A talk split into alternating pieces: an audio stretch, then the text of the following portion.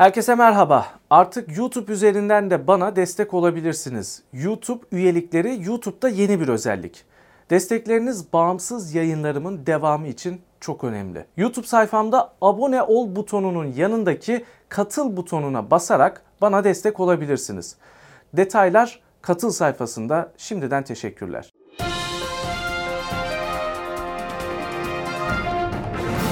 10. Köy'den herkese selamlar. Gelecek Partisi kurucusu Sayın Bayram Zilan'la birlikteyiz. Hoş geldiniz. Hoş bulduk. İyi Şimdi uzun yıllar gazetecilik yaptınız ama siyasete e, e, soyundunuz diyelim.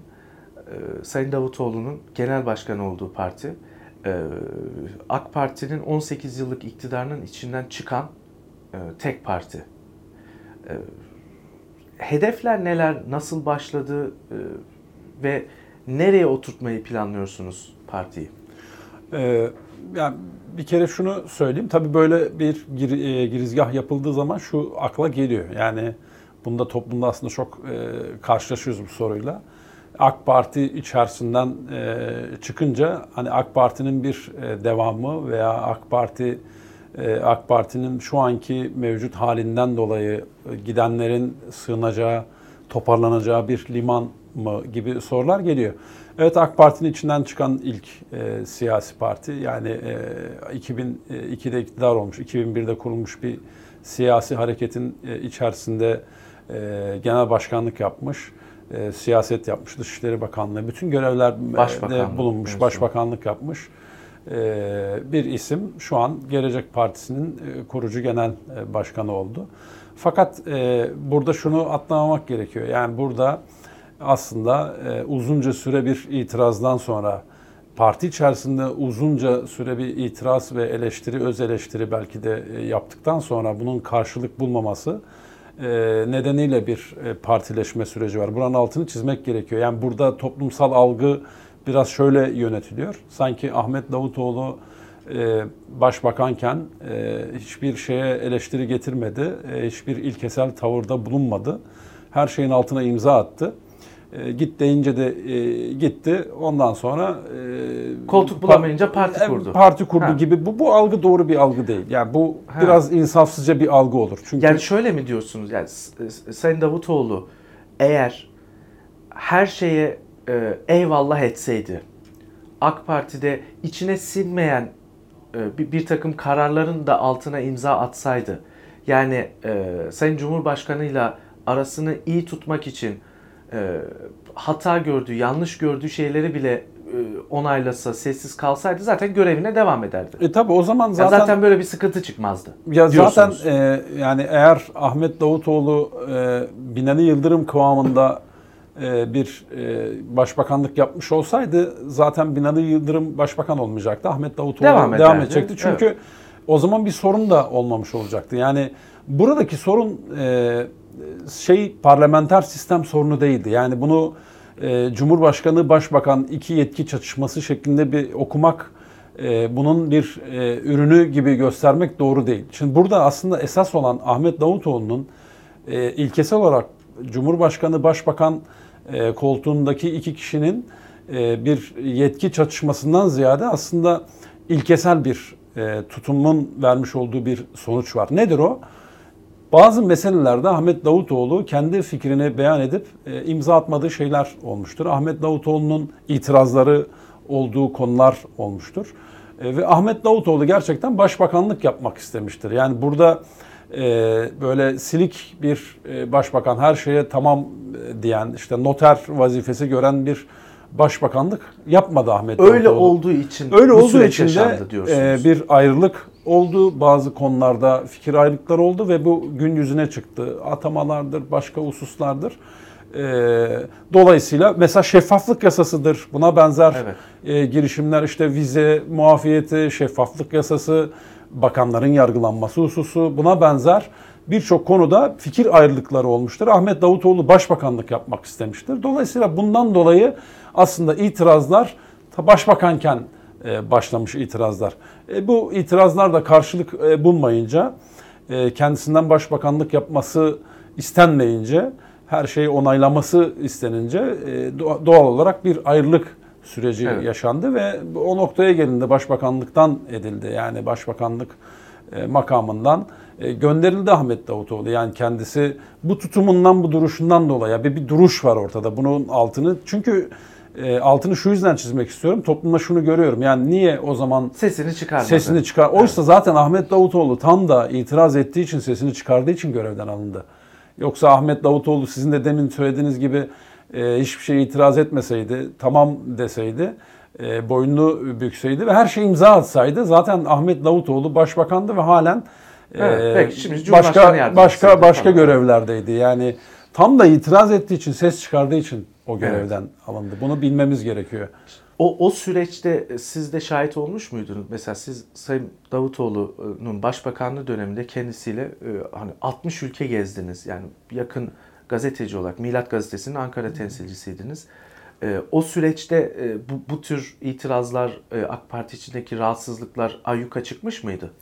Şahit olmuş muydunuz? Ya bunu bunu aslında e, duyuyorduk biz. Yani bizim gazeteci arkadaşlar da duyuyordu. Biz de e, duyuyorduk. Yani şöyle mesela e, çok e, iyi hatırladığım bir şey. Örneğin vize muafiyeti hususu o zaman çok sık e, Evet. konuşuluyordu.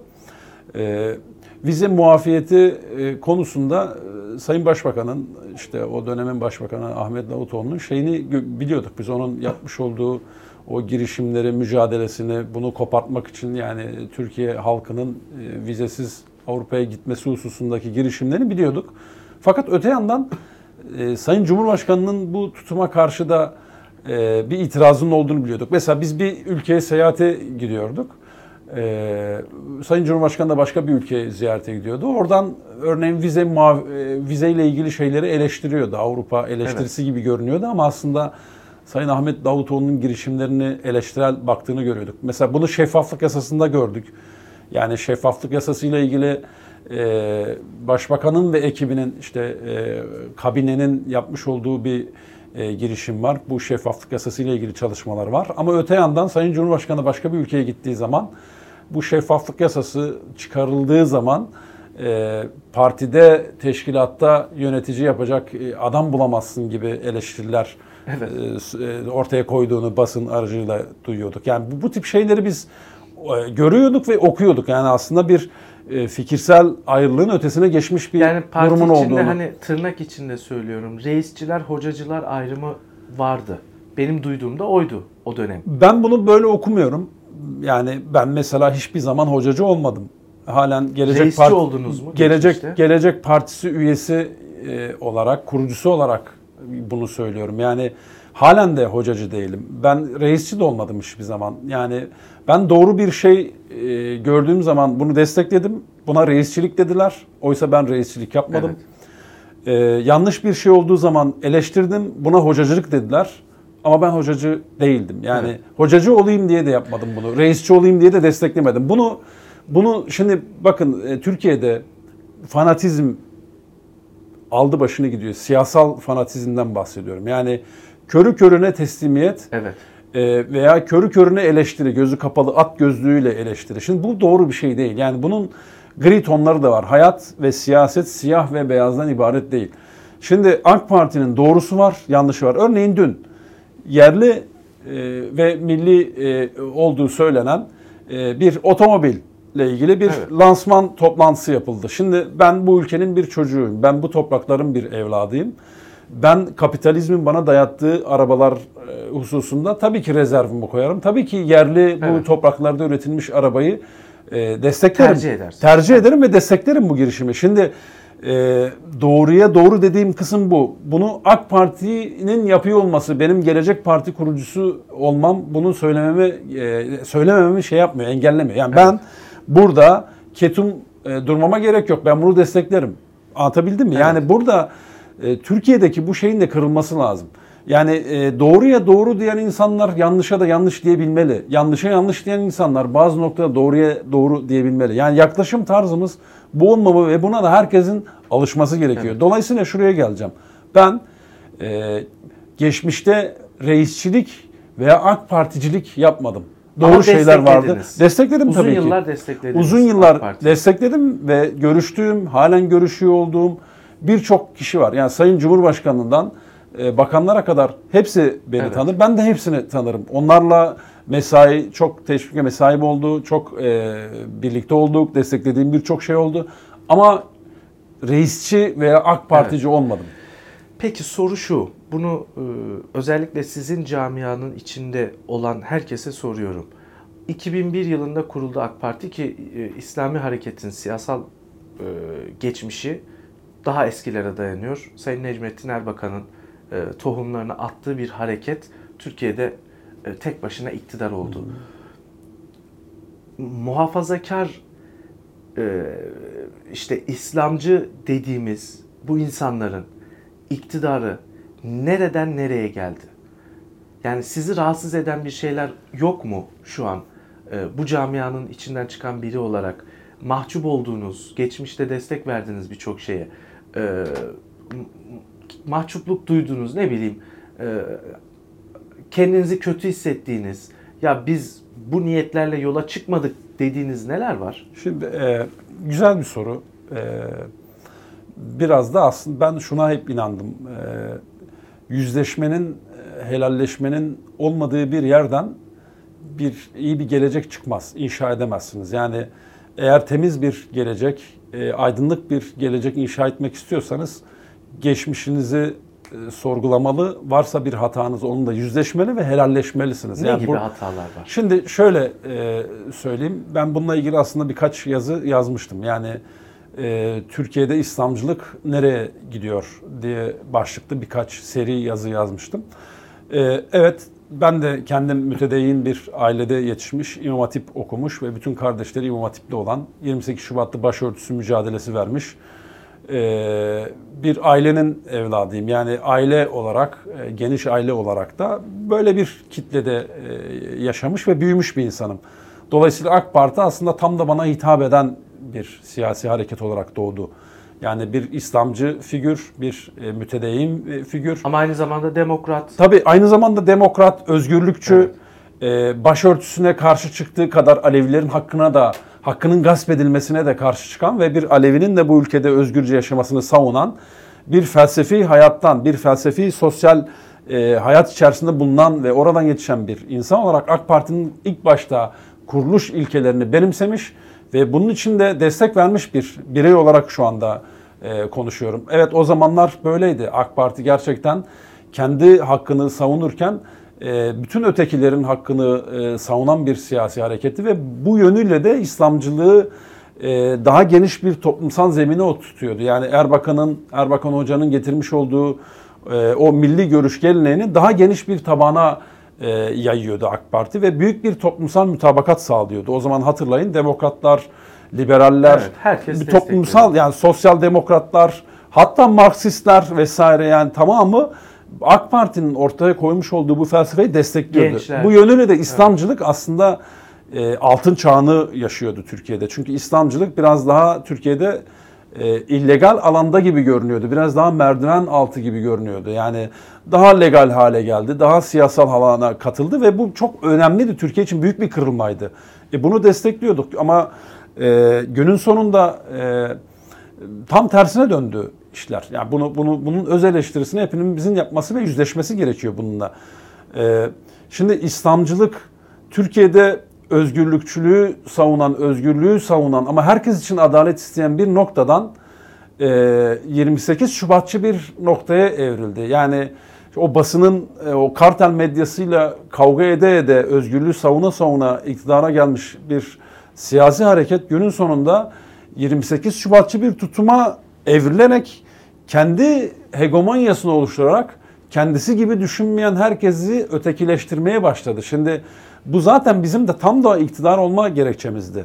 Yani herkes için adalet isteyip adaletten mağdur olanlar e, yani tek tipçilikten mağdur olanların sesi olan hareket e, İslamcılık veya muhafazakar e, siyaset, muhafazakar demokrat e, siyaset kendisini bu şekilde tanımlayan günün sonunda e, kendi ötekilerini yaratan, e, kendi mekanizmasını kuran ve kendi statükosunu kuran, kendi elitini, kendi burjuvasisini e, kuran ve onu kollayan ama bunun dışındakileri e, na kulağını kapat, e, kapatan, onun o isyanları, o diğer e, mağdurları falan duymayan görmezden gelen hatta bazen mağdur eden yani bazen bunu büyüten e, bir yapıya dönüştü. Şimdi bu iki şeye mal oldu. Bir e, bir yozlaşmaya neden oldu, bir çürümeye neden oldu. Bu doğaldır, bu bütün iktidarlarda olur. Ama ikinci en büyük neden İslamcılığa da muhafazakar siyasete zarar verdi. Niye? Bunun Mesela- yozlaşmasını sağladı. Hani muhafazakar kimliğinizin zarar gördüğünü düşünüyor musunuz?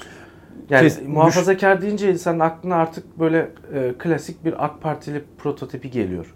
İşte ihaleci vesaire e, ne bileyim de- demokrat olmayan e, demokrasiyi e, maske olarak kullanan falan. Yani böyle bir model geliyor Bu artık çok kötü işte. İşte bu bu çok rahatsız edici. Şimdi bu niye rahatsız edici? Bu bu beni iki e, nedenden dolayı rahatsız ediyor. Bir mütedeyyin olduğum için e, yani e, Müslüman olduğum için ve e, muhafazakar kimliğimin olmasının nedeniyle ailemin, kendimin, inancımın bu şekilde olması beni büyük bir rahatsızlığa sevk ediyor. Niye? Çünkü Müslüman emindir. Yani Peygamber Efendimizin emin sıfatı, Kur'an'ın, e, sünnetin, İslam dininin bizatihi eminlik üzerine, doğruluk üzerine, adalet üzerine kuruluyor olması. Yani İslam'ın temel felsefesi adil olma, adil bir din olmasıdır. Adalet vaat etmesidir. Eşitlik vaat etmesidir. Şimdi dolayısıyla Müslümanın bunun tam karşısında bir pozisyonda olması ya da pratiğinin e, böyle olması e, İslam'a zarar veriyor aynı zamanda. Aynı zamanda o emin sıfatına zarar veriyor. Müslüman güvenilirdir. Dolayısıyla muhafazakar siyaset yaptığını iddia eden kişiler de, yapılar da, kurumlar da emin olmak, adil davranmak zorundadır.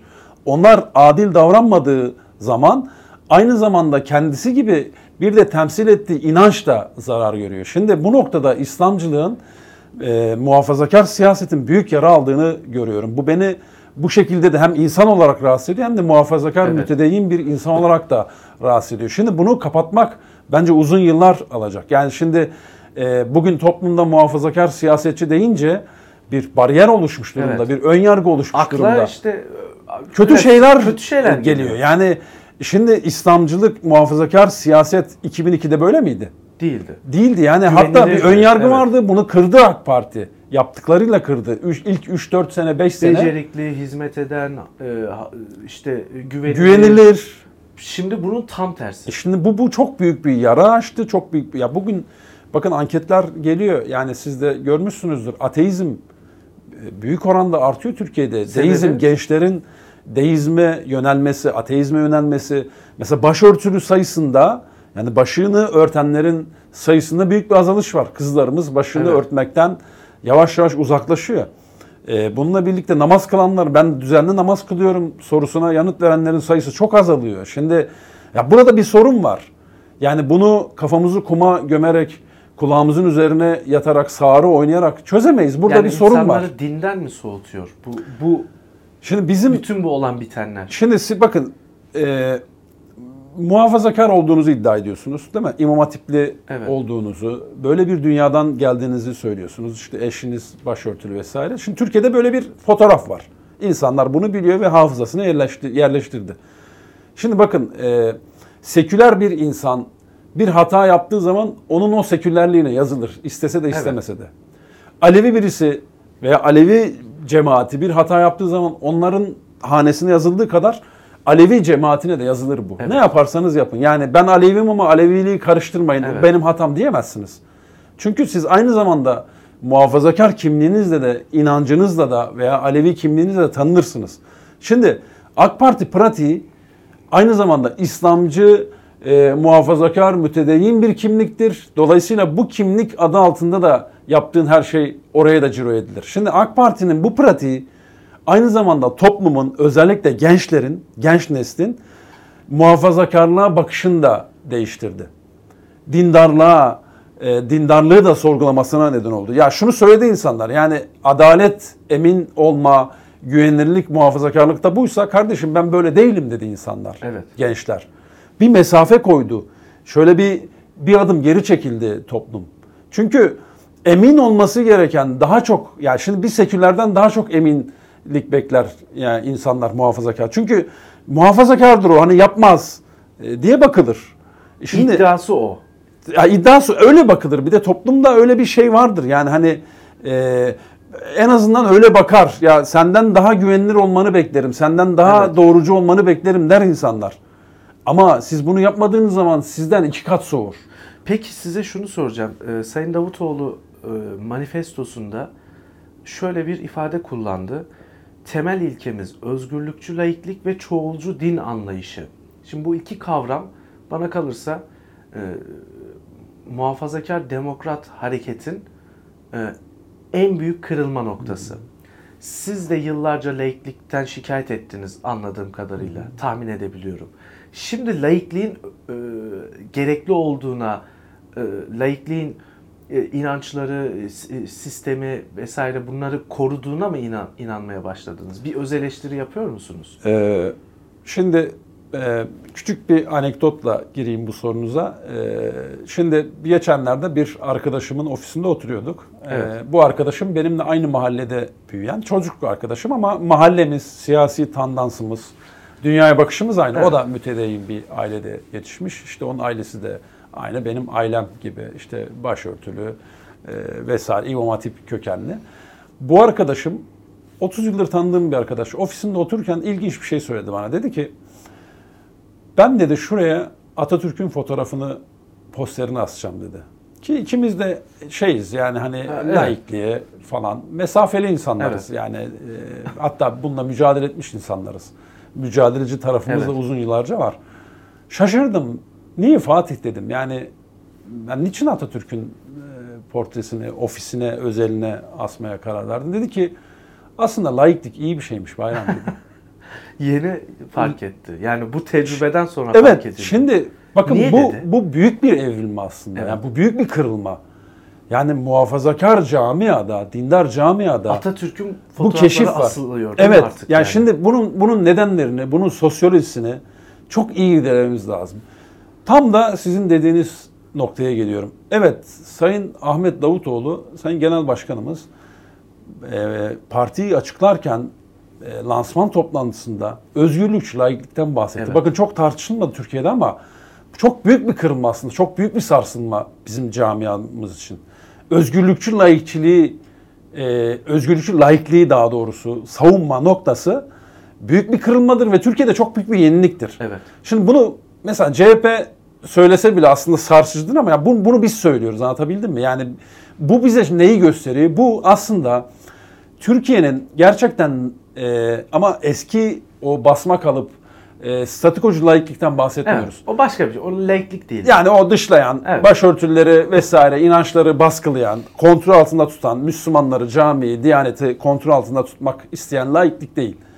Özgürlükçü laiklik bu ülke için iyi bir şeymiş noktasındayız şu anda. Yani bunu demeye başladı. Evet yani bu, bunu ben de şu anda bunu savunuyorum. Eskiden yani, laikliğe karşıydınız, şimdi laikliği sonuna kadar evet, savunuyorsunuz. Yani yeni yeni yeni nesil çağa hitap eden, çağın ruhunu okuyan, Müslümanın da hakkını koruyan, ateistin de hakkını koruyan bir laiklik anlayışını savunuyoruz. Evet. Yani bu bu, bu sarsıcı gelebilir. E, büyük bir dönüşüm anlamına mı geliyor? Bunu dönüşüm e, olarak e, okumamız mümkün. Ama bunu bir şey olarak okumamamız gerekiyor. Yani burada belki muhafazakar camiye burada seslenmemiz gerekiyor. Yani bu bir katı, ya bu bir layık kişilik değil. Yani bu aslında hepimizin işine yarayan, hepimizi özgür kılan bir Yıllar sistem sonra aslında. bunu fark ettiniz. Ee, geldiğimiz evet. nokta, geldiğimiz nokta itibariyle bunu fark ettik. Evet. Yani e, ya laiklik ama yeni tanımlanmış. Yani gerçekten özgürlük alanı vaat etmiş herkese ama yani inançları gözetmeksizin, inanç farkı gözetmeksizin,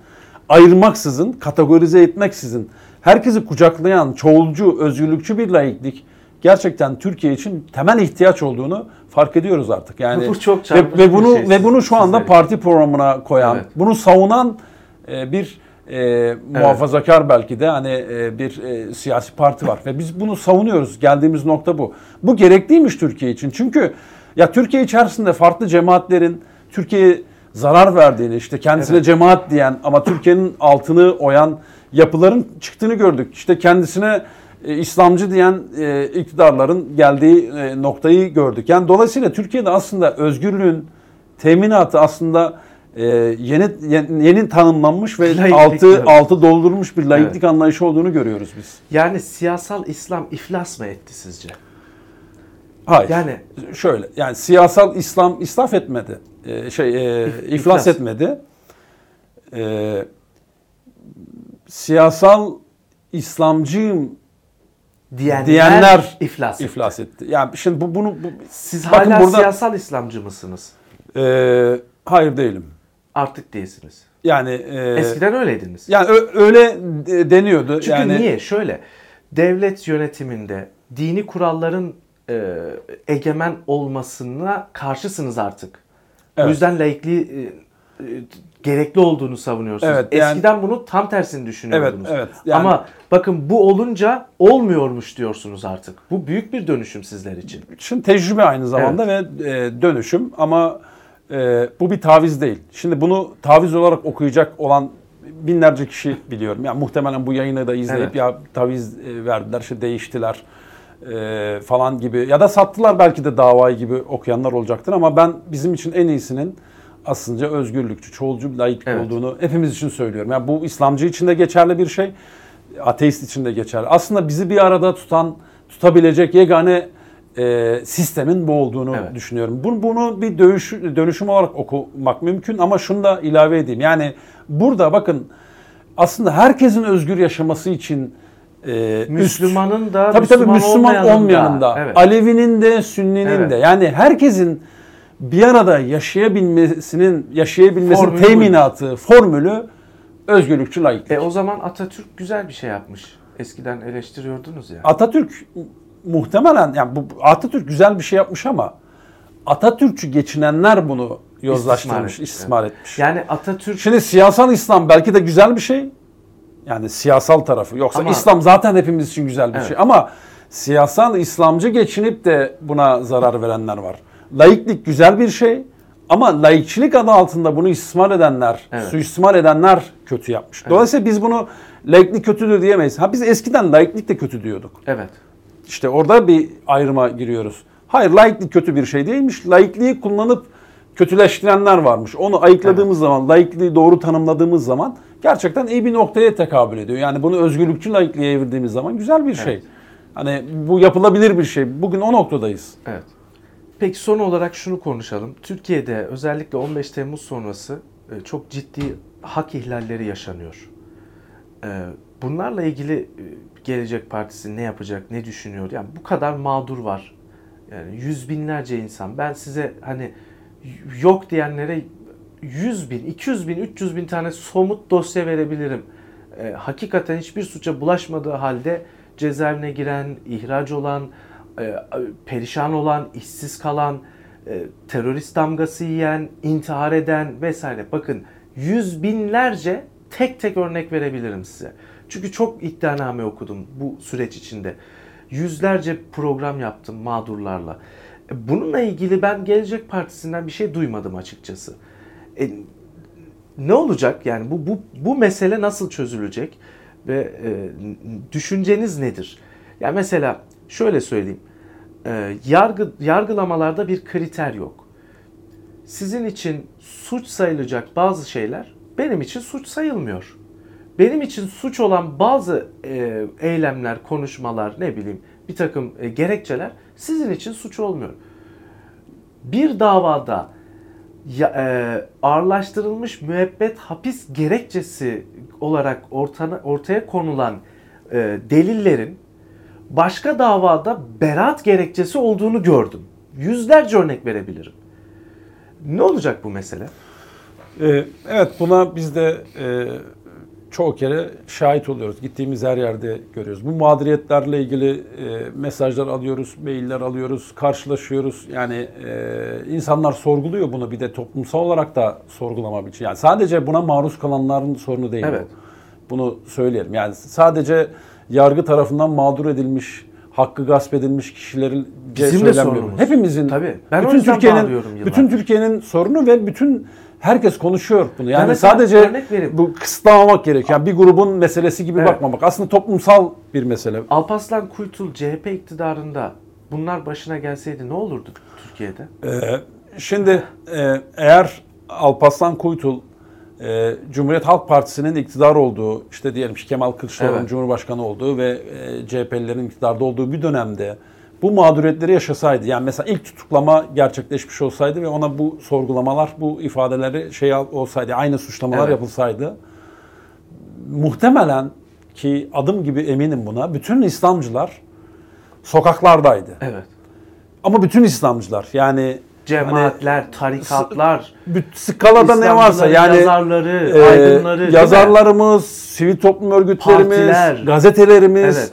Tamamı Alparslan Kuytu'la özgürlük adı altında sokağa çıkar. sokağa çıkardı ve Alparslan Kuytu'nun tahliye edilmesi için ve bu bunun haksız, hukuksuz bir şey olduğunu ifade etmek için avazlarının çıktı kadar bağırırlardı. Ama bugün tek Fakat bir kişi çok ilginç. İslamcılardan. Alparslan. Kuytu'nun yargılama sürecinde kızları yargılandı. Sadece eşi, babalarına evet özgürlük ya. istediği için, sadece atkı taktıkları için işte sempatizanları yargılandı vesaire. Eşi ben Alparslan. Kuytu'lu hayatım boyunca hiç Evet. görmedim. Birkaç tane şeyini dinledim. Tanımam, Evet. bilmem. Ya Ama- bizim için öyle ama değil. yani Alparslan mağduriyet açık. Ee, görüşleri evet muhalif görüşlerdi. Yani sadece bundan dolayı veya buna benzer bir sahikle bu adam mağdur ediliyorsa İslamcıların tamamının bu konuda kulağının üzerine yatmasının gerçekten sorgulanmaya ihtiyacı var. Yani neden iktidarda AK Parti olduğu için İslamcılar buna benzer mağduriyetlere sahip çıkmadı? Ya AK Parti iktidarda olduğu için İslamcılar Alparslan Kuytu'la sahip çıkmadı. Bunu söyleyelim. Yani bu bir vaka. Bu, bu bir travma Ve aynı zamanda. Sadece Kuytul da değil yani bakın yüz binlerce mağduriyetten bahsediyorum ben size. Emin olduğum. Ve İşte bu insanlar da işte şahsilik diyorsun ya Evet. tam da o noktaya yani geliyorum. hasbel kader e, işte Gülen cemaatine bulaşmış ama hiç suç işlememiş. O yukarıda dönen dolaplarla hiç alakası olmayan yüz binlerce insan var.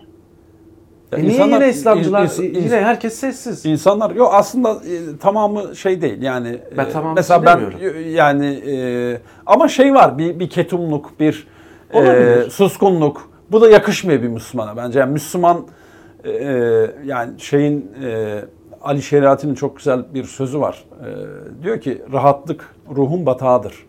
Evet. Şimdi Gamsızlık değil mi? Yani şimdi e, yani susarsanız sıra size size gelir. Yani bu belki sol cenahın çok kullandığı Evet. bir mottoydu ama e, bunu kullanmak gerekiyor. Susuyorsunuz sıra size geliyor. Yani hani susma sıra sana geleceği geçtim.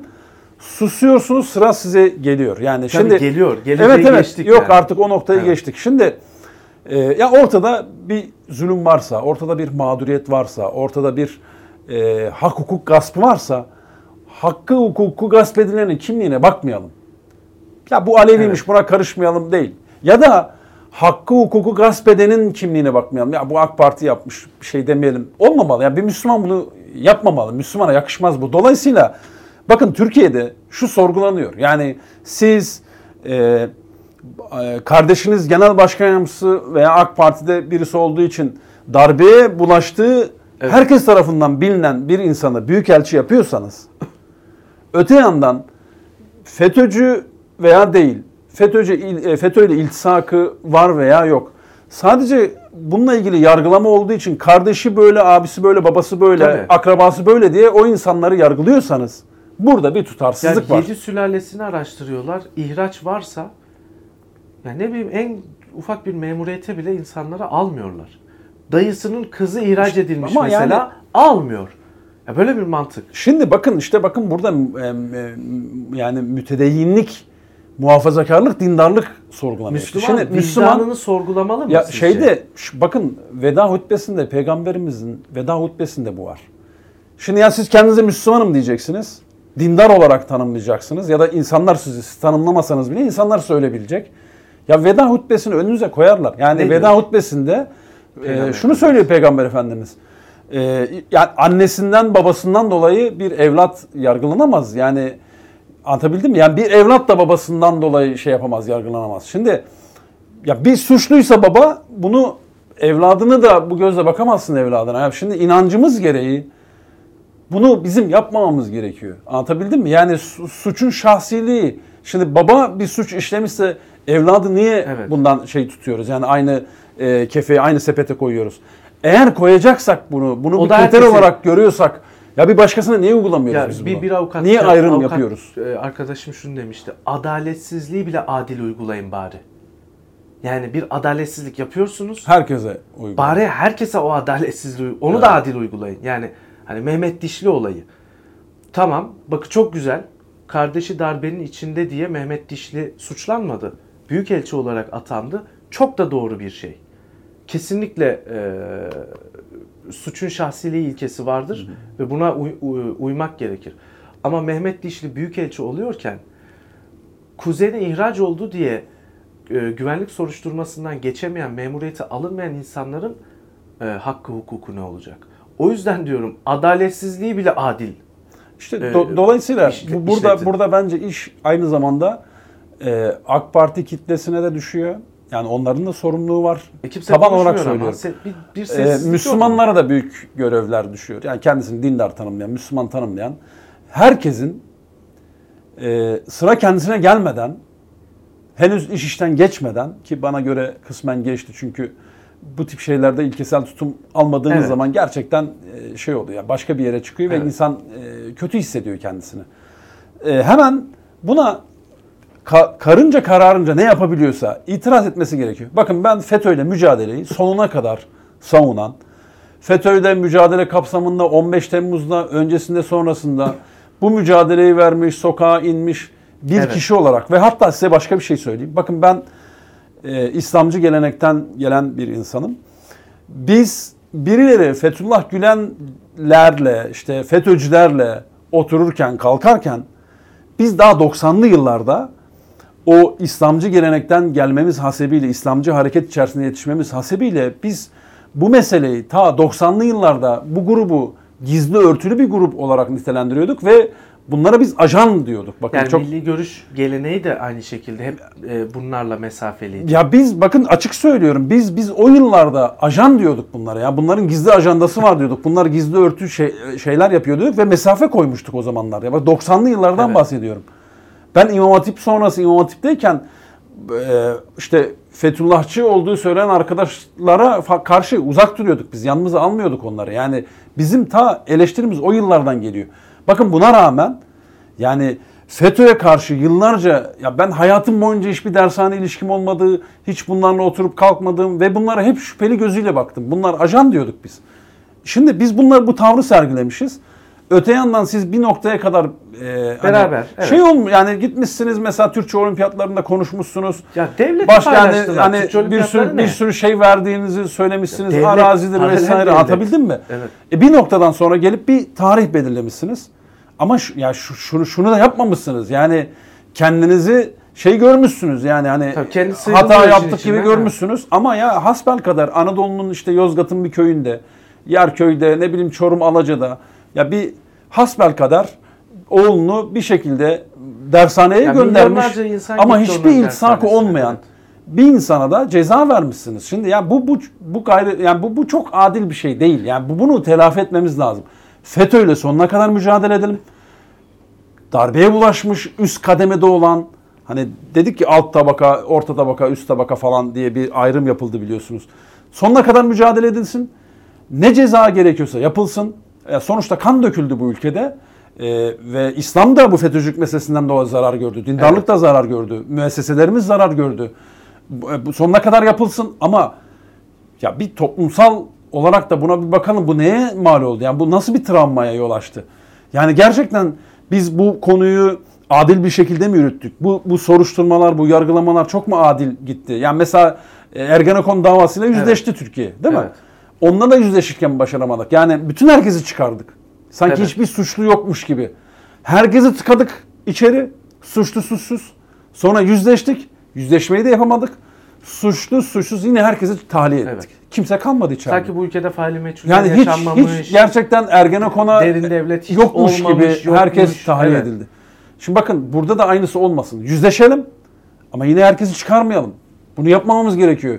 Bununla mücadeleyi sonuna kadar yürütmemiz gerekiyor Form- ama e, kuruyu yaştan, yaşı Evet. kurudan ayıralım, ayıralım. Yani hasbel kadar hiçbir iltisakı, hiçbir e, ilgisi, alakası vesaire olmayan hasbel kadar ya bir köyde yaşayan bir insan izliyor şimdi Türkçe Hayır, olimpiyatlarında. olmuş ama suç işlememiş. Ne yapacak? Yok şunu söylüyorum Yani bakın. Cemaat içinden yetişmiş, e- etmiş, öğretmen olmuş, doktor olmuş ama suç işlememiş mesela. Bunu ne yapacaksınız? Ve ve başka bir Onu şey soruyorum ben yıllardır. Ya çok ilginç bir şey söyleyeyim size. Şimdi bir kendinizi bir e, Yerköy'de, ya Yozgat'ta, Malatya'da, Diyarbakır'da, İstanbul'da e, yani çok fazla e, aile durumu iyi olmayan, yani çok fazla kültürlü olmayan ne bileyim hani Evet. e, eğitim seviyesi biraz daha az bir aile olarak düşünün, anne baba olarak düşünün. Çocuğu bedava okutuyorlar. izliyorsunuz bakanlar gidiyor Türkçe olimpiyatlarına işte bunlarla ilgili metiyeler diziliyor falan anlatabildim mi? Cumhurbaşkanı oradaydı. Ee, ya diyorsunuz ki ya hakikaten demek ki bunlar hani iyi insanlar diyorsunuz. Oraya da kulak kabartıp çocuğunuzu gönderiyorsunuz dershaneye. Ya yarın çocuğunuzu bu şekilde yargılıyorlar. Ama çocuğunuzun hiçbir suçu yok. Hiçbir illegal faaliyete katılmamış. Anlatabildim mi? Yani üst Evet. düzey falan değil. Darbeyle hiçbir ilgisi yok. Hani hiçbir suç isnat edecek bir şey yok. Sadece dershaneye gitti. Sadece bankasiyeye para yatırdı diye. Bu insanları yargılamak bana göre adaletsizlik. Bunu ayırmamız lazım. FETÖ'yle mücadele edelim ama bunları da Evet. ayıralım. Yani bu adaletsizliğe son verelim. Bu ülkemizin temel problemlerinden bir tanesi. Çünkü bu insanların yarın bu ülkeye küsecek bir kıvama getirmemiz Evet, lazım. Ki bunların çocukları var, etkileniyorlar. Yani devlete Çevreleri var, çocukları Evet. var. zarar. Çok teşekkür ediyorum katıldığınız için. Başarılar diliyorum. Ee, Daha sık sık programlar yaparız İstanbul'a geldikçe. Ben teşekkür Siz ederim daha böyle Ankara bir imkan kökenli. verdiğiniz için. Ne demek? Görevimiz bu. Çok sağ olun. Ağzınıza sağlık. 10. köy noktalıyoruz. Şimdilik hoşçakalın.